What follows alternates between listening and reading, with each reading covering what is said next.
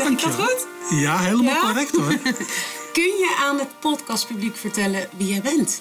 ik ben eh, Paul Daniels. Ik ben een eh, predikant. Ik heb vier gemeentes.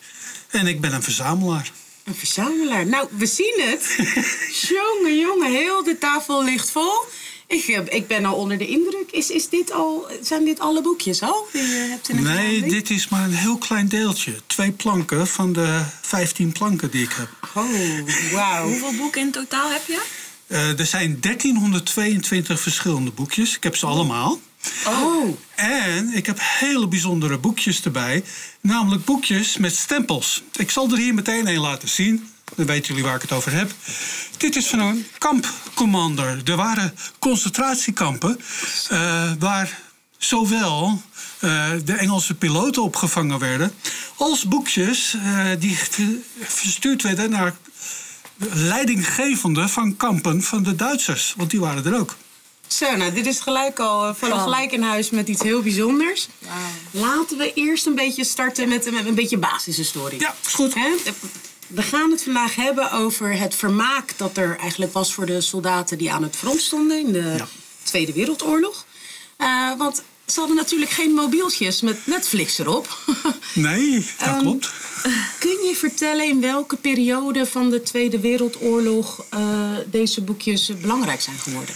In, eh, in oktober 1943 kwamen deze boekjes voor het eerst eh, op, de, op de markt. Maar alleen de Amerikaanse soldaten kregen deze mee, die in oorlog gingen. Het was niet bedoeld om te verkopen. Dus er is niks van verkocht, maar ze werden overal neergelegd. Eh, hier heb ik bijvoorbeeld een boekje wat neergelegd werd bij een instituut van het Amerikaanse leger. Nou, en die boekjes die verdwenen natuurlijk. Hè? Want als je aan het lezen was en je vond hem leuk, dan ging hij in de binnenzak. En zo zijn deze boekjes overal verspreid geraakt. Niet alleen in Amerika, maar naar alle landen waar die Amerikanen heen gingen. Nou, wat cool, want hier staat ook echt op... Issued free by special service not to be sold. Dus hij mocht echt niet verkocht Mocht worden. niet verkocht worden. Waarom niet?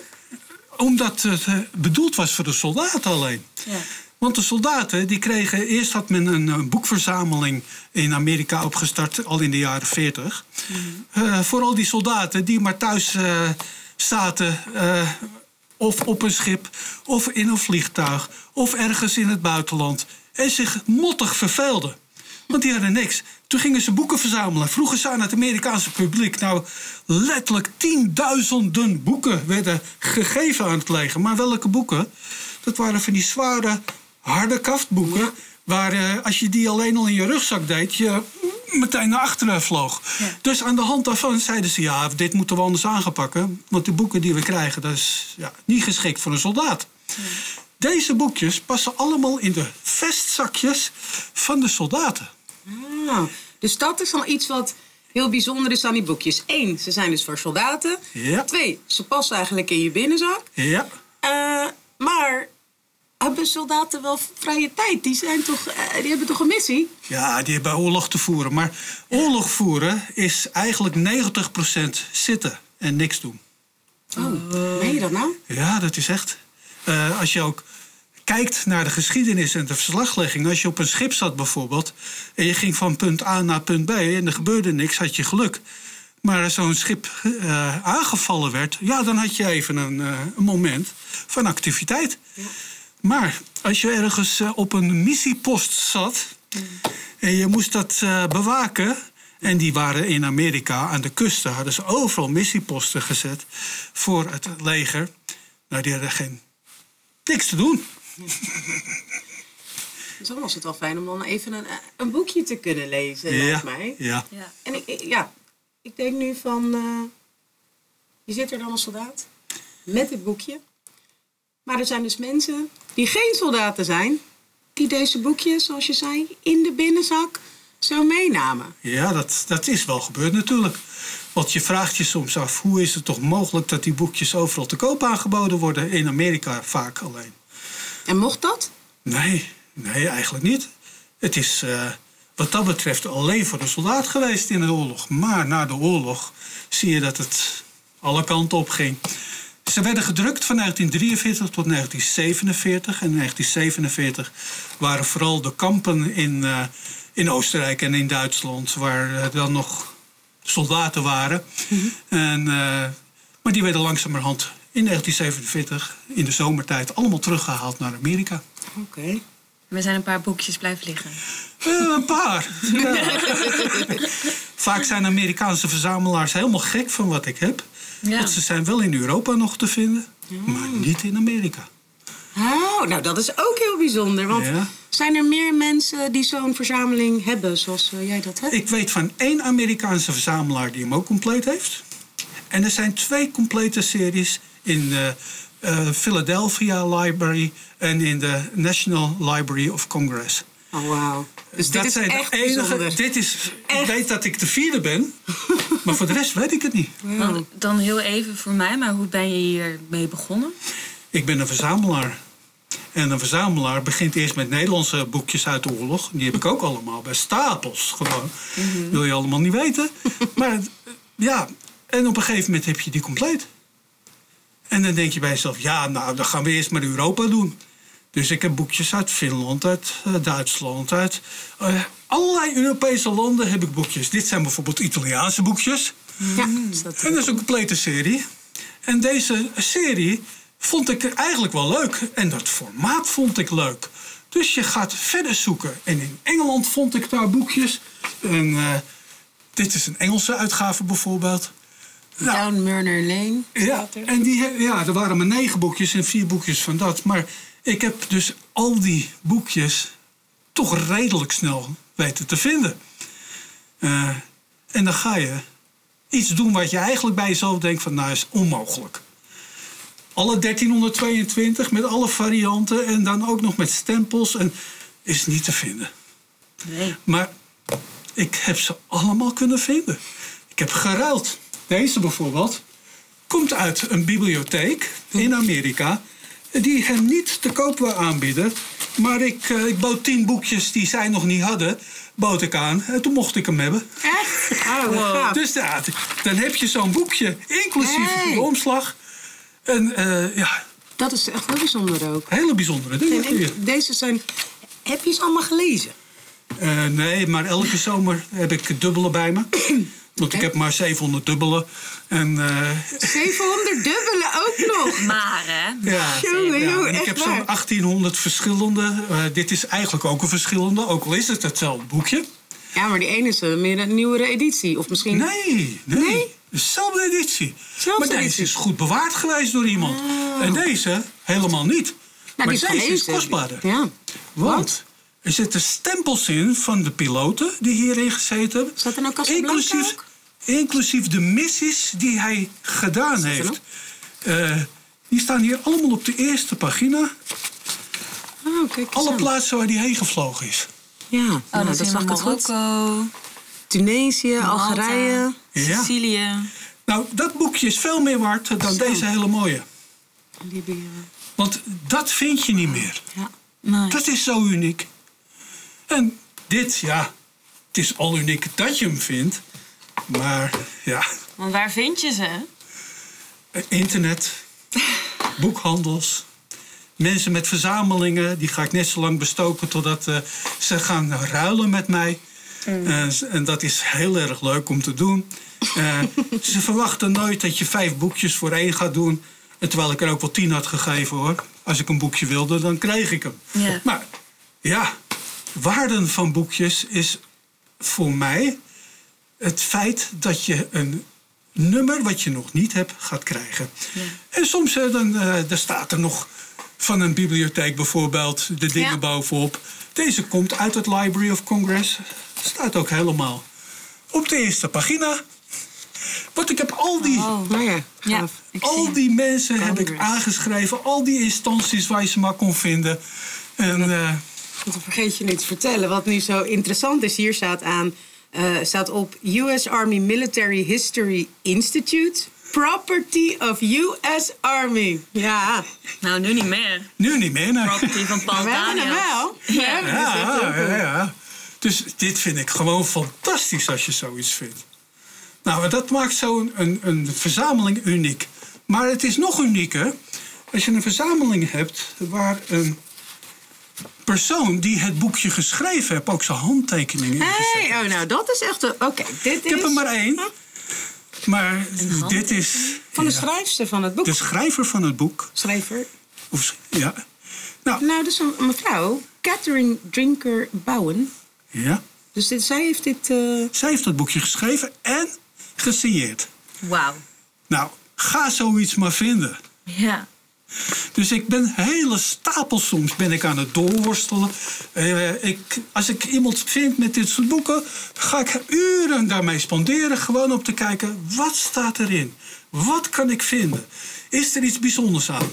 En soms hè, dan vind je bepaalde boekjes, zoals de Superman. Dit is trouwens heel erg leuk over Superman. Dit was de eerste boekje zo'n beetje nadat de bevrijding was in Europa. Oh. Dus ja, om zo'n boekje alleen al te vinden, maakt heel special. Maar wat is er nog specialer?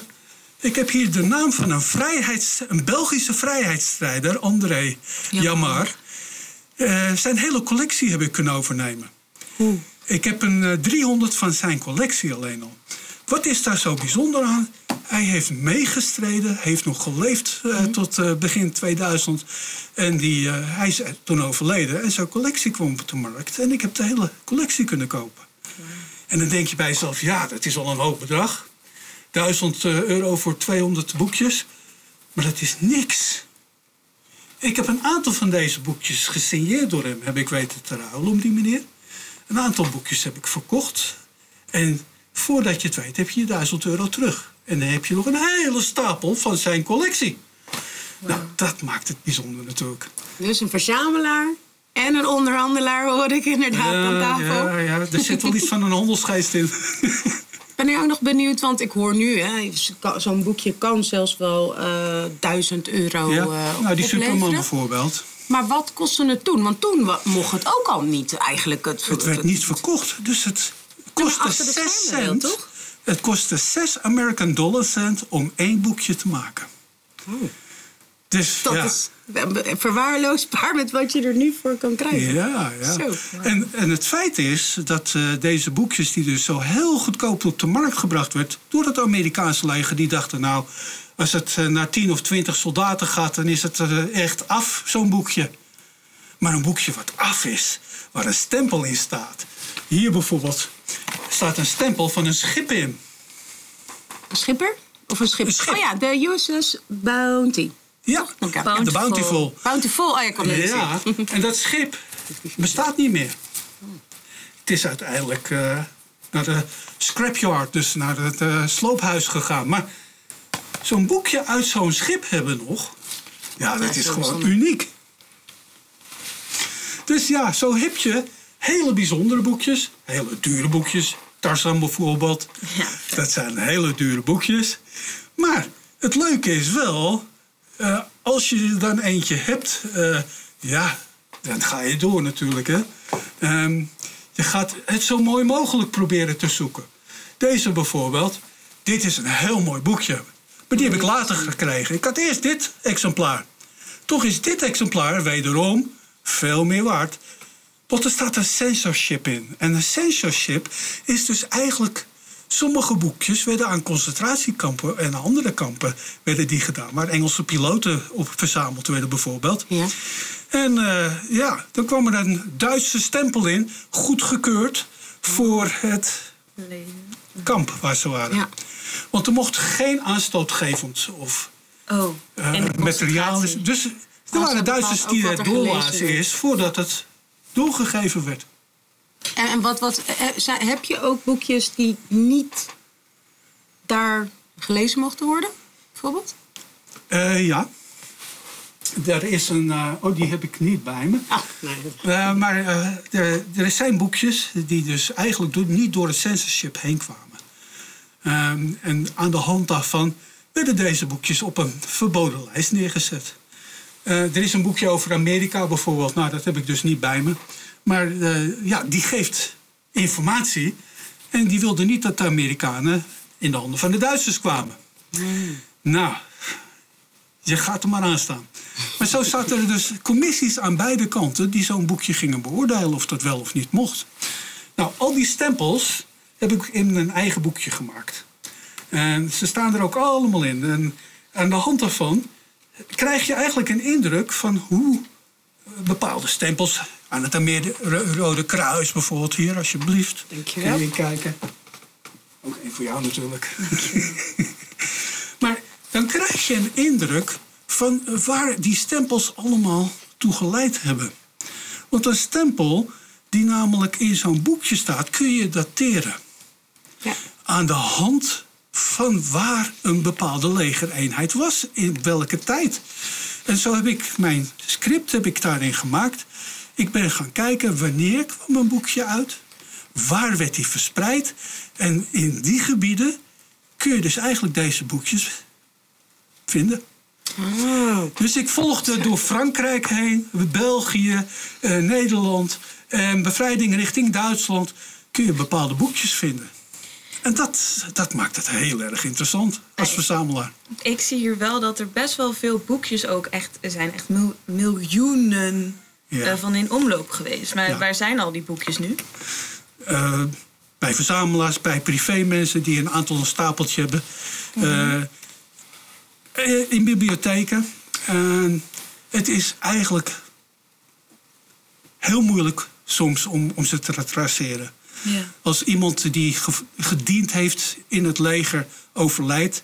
en de kinderen zien een stapel van die oude boekjes liggen... die bieden het gewoon op internet aan.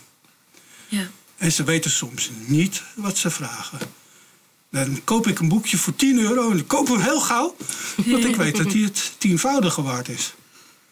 Nou, ja, dat maakt het natuurlijk wel heel erg eh, discutabel of dat nu wel of niet netjes is. Maar, ach, Ja. ik heb ook wel eens... Dat Zij wilden denk, er vanaf en ze hebben een prijs bepaald. Ja, zo hebben de gaat prijs dat. betaald, niet ik. Je zou ze hem ook extra blij kunnen maken hè, door te zeggen: joh, je vraagt eentje. Kijk eens, heb je er twee tientjes. Ja, ja, maar je, je moet ook je portokosten rekening houden. Iets wat uit Amerika komt, moet je ook nog iets voor de eh, customs, de, de douane, ja. moet je nog extra betalen. Dus je moet gauw 15 tot 20 euro extra rekenen voordat je een boekje dan hebt. Dus als je een boekje voor een tientje vindt, dan denk je, oh, 25 euro voor dat boekje, dat is niks. Maar ja, zo werkt dat. Maar dus ondanks dat je de verzameling eigenlijk compleet bent, ben je hier dus nog steeds Mee bezig. heel bent bevlogen. Je straalt helemaal Ja. over de boekjes. Maar als je dit boekje bekijkt en je kijkt naar de achterkant, Ja, ga ik doen. een heel andere titel. Oh ja, dat is grappig. Aan de voorkant heet het Ghost Trails. En aan de achterkant heet het The Blazed Trail Stories. Ja, met andere woorden, een drukkersfout. Ah, wat nou, dat is helemaal bijzonder natuurlijk. en drukkersfouten, daar, daar leef je eigenlijk ook voor als eh, verzamelaar. Deze bijvoorbeeld, dit is een hele mooie uitgave van The Wings of Fear. Ja. En deze heeft bij de vouw heeft hij dubbel gezeten. Ah, ja. ja.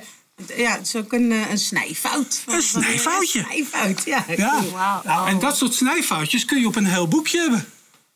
Oh, ja, ik zie het. Helemaal hele Ja, rand. helemaal fout. Eh, en, en sommige katernen zitten nog helemaal dicht, niet gesneden. En dan denk je, wauw, wat gaaf is dit toch. Ja, nee, maar het is echt, ik, ik ik ben echt heel erg onder de indruk. En ik vraag me ook af van... ehm, zijn ze allemaal intact gebleven?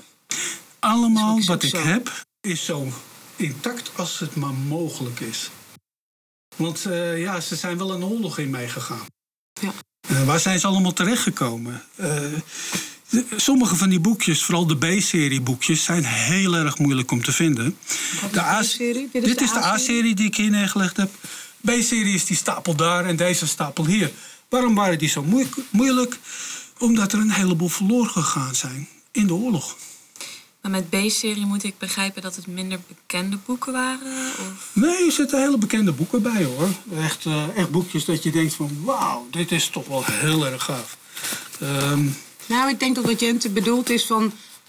Noem jij dit de A-serie en noem men dat Nee, de staat B-serie? Het is echt Dit Ja. is de A-serie. Oh. En A-serie bestond uit 30 boekjes, B-series bestond ook uit 30 boekjes. En per maand kwamen er dus 30 verschillende titels op de markt. Oké. Oké, nee, dan is het voor En duidelijk. ja, en dat maakt het ook wel heel erg leuk.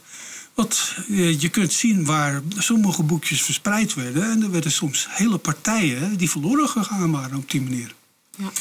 Dus de C en de D-serie bijvoorbeeld, die werden meegegeven aan de soldaten die landden op de stranden in Frankrijk. Ja, nee. Niet waterproof of wel? Nee, totaal niet. Maar daardoor eh, kun je dus verschrikkelijke boekjes hebben soms qua uiterlijk.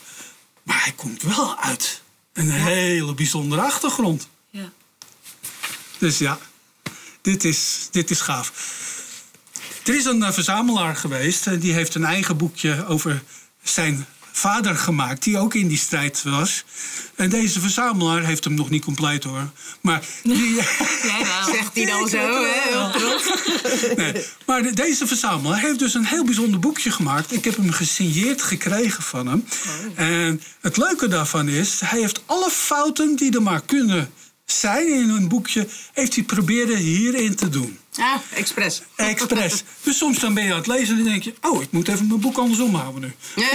Wat leuk. Ja, hele grappige dingen heeft hij erin gedaan. Maar er zitten enorm veel fouten in deze boekjes. Echt dat je denkt van, jongen, jongen, weer één. En in die tijd, want er zal nu een verschil zitten tussen wat nu populair is aan boekjes, omdat het een, eh, speciale historische waarde natuurlijk eh, heeft. Wat was voor de soldaten toen nou echt populair? Ehm, de- gisteravond was op de tv de film The Great Gatsby. Ja, Oh ja. Deze, van Fitzgerald. Nou, dit boekje was een flop.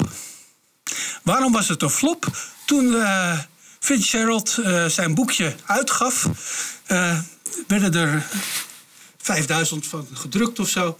En het verkocht niet. En nou, hij heeft het nog een paar keer geprobeerd. En geen mens die eh, interesse had in zijn boek. En hij kwam in het leger als een van de boekjes.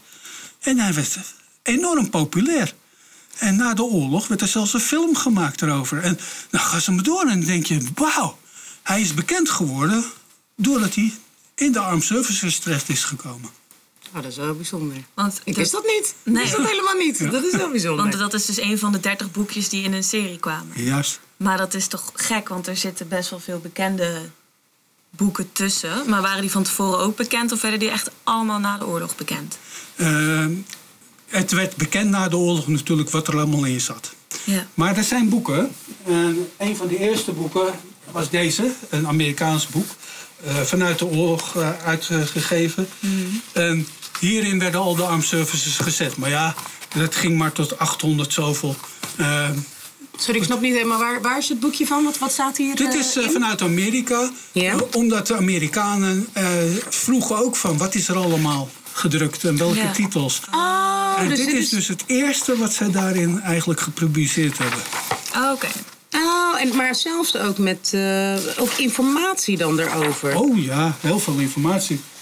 Er zijn ook eh, daarna schrijvers geweest die eh, aparte boeken daarvoor gingen schrijven. When books went to war, ja. Ja, ja, Action. ja. Dus dat maakt het heel leuk natuurlijk als je een verzamelaar bent. Om ook dat erbij te gaan halen. Want dan denk je bij jezelf, oeh, ja, dat is wel interessant. Nou, ik heb dus ook een boekje gemaakt met alle voorkaften die er maar waren. Eh, ja, dit is... Oh, ik heb het even jou.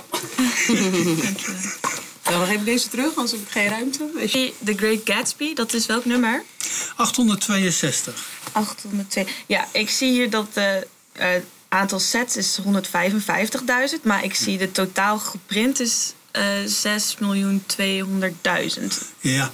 Als je namelijk 30 titels zitten in Ja. een, eh, een serie, en dit gaat per serie, dan werd er per boekje 155.000 van gedrukt. En in totaal over zo'n hele serie van 30 titels 6 miljoen 200 of hoeveel het is, 200.000. Maar dat zijn er echt. Er zijn er heel veel, die 6 miljoen. Waar zijn al die boeken heen? Ja, die zijn eigenlijk allemaal verdwenen. Maar het mooie is natuurlijk, hè, de Duitsers die hebben daarin boekverbrandingen gehad. Bibliotheken die ze ontruimden met boeken en schrijvers die daarin niet gewild waren. Uh, Mark Twain bijvoorbeeld, een hele mooie Amerikaanse schrijver. Mooie verhalen. Maar ja, werd niet getolereerd.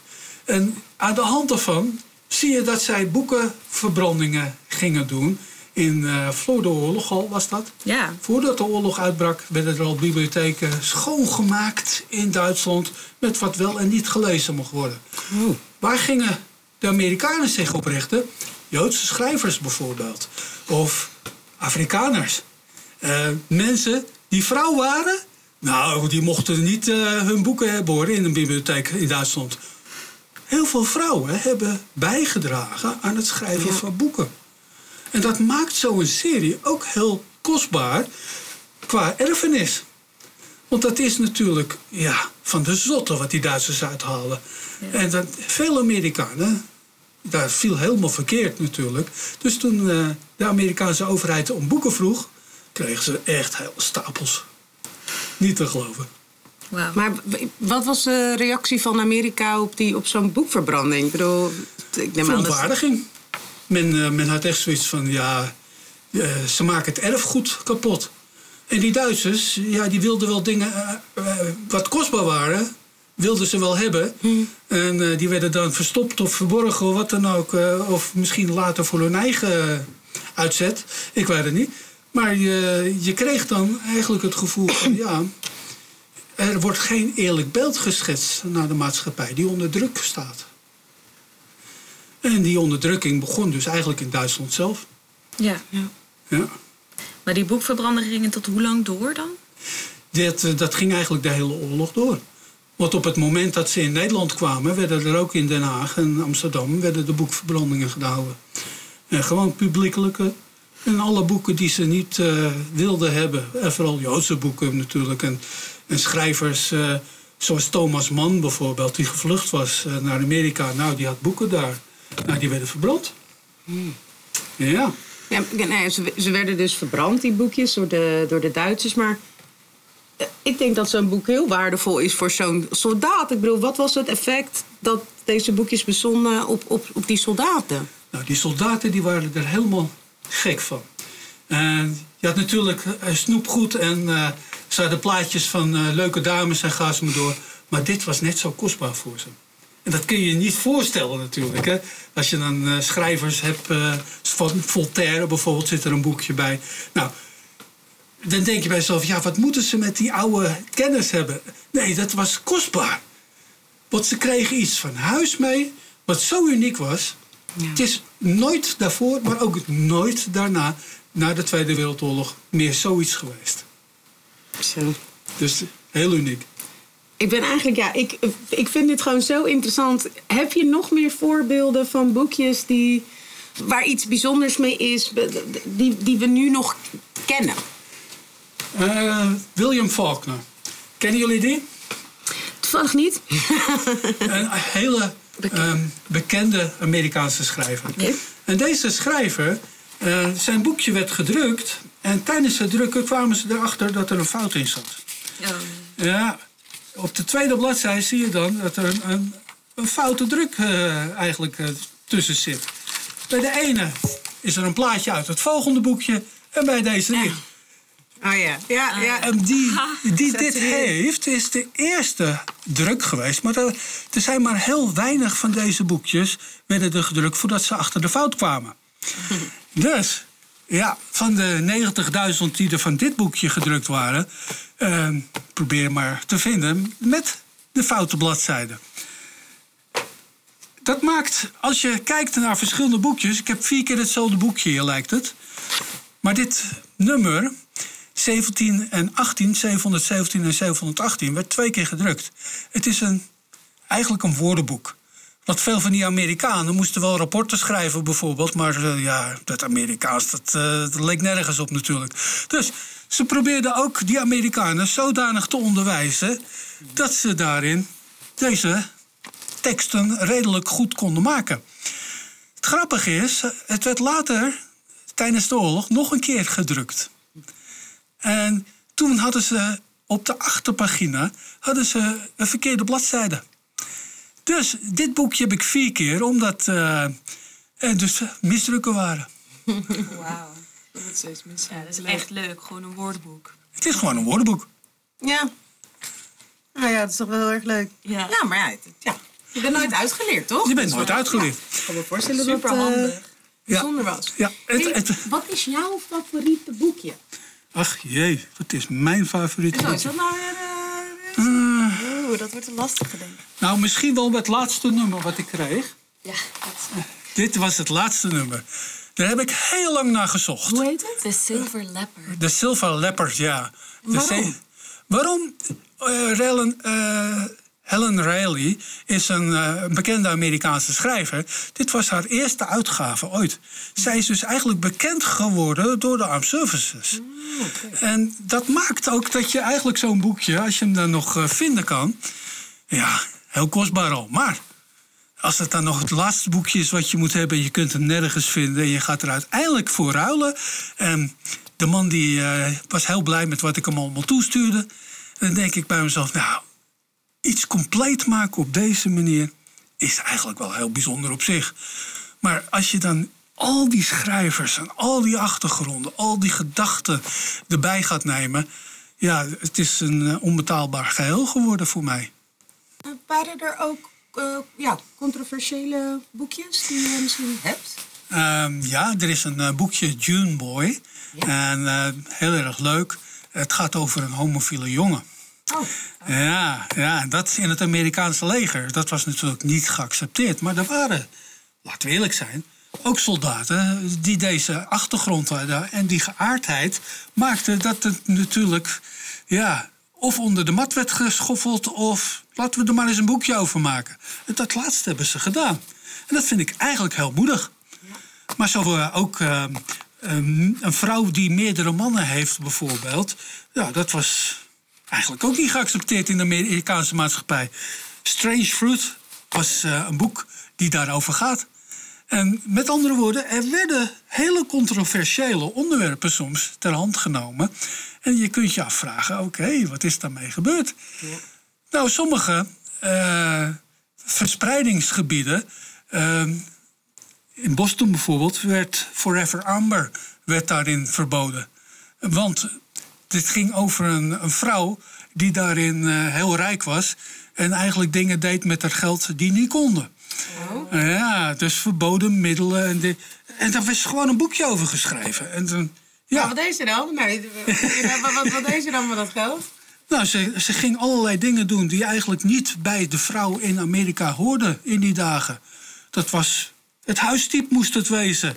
Je moest goed kunnen koken, je moest goed kunnen schoonmaken en voor de rest je mond houden. Maar dat was in het Amerikaanse leger niet de bedoeling, want er gingen ook heel veel vrouwen die daar in het leger in gingen. En deze vrouwen, dat waren pittige dames hoor.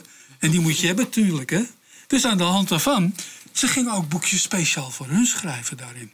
Oh. En dat, dat vind ik hele interessante onderwerpen natuurlijk. Ja, want dan is het de, de Amerika is- was dan een beetje de redder van, eh, van ons. En Ja. daar er is dus ook, je hebt Bevrijding. Oh ja, over de Ja. bevrijding.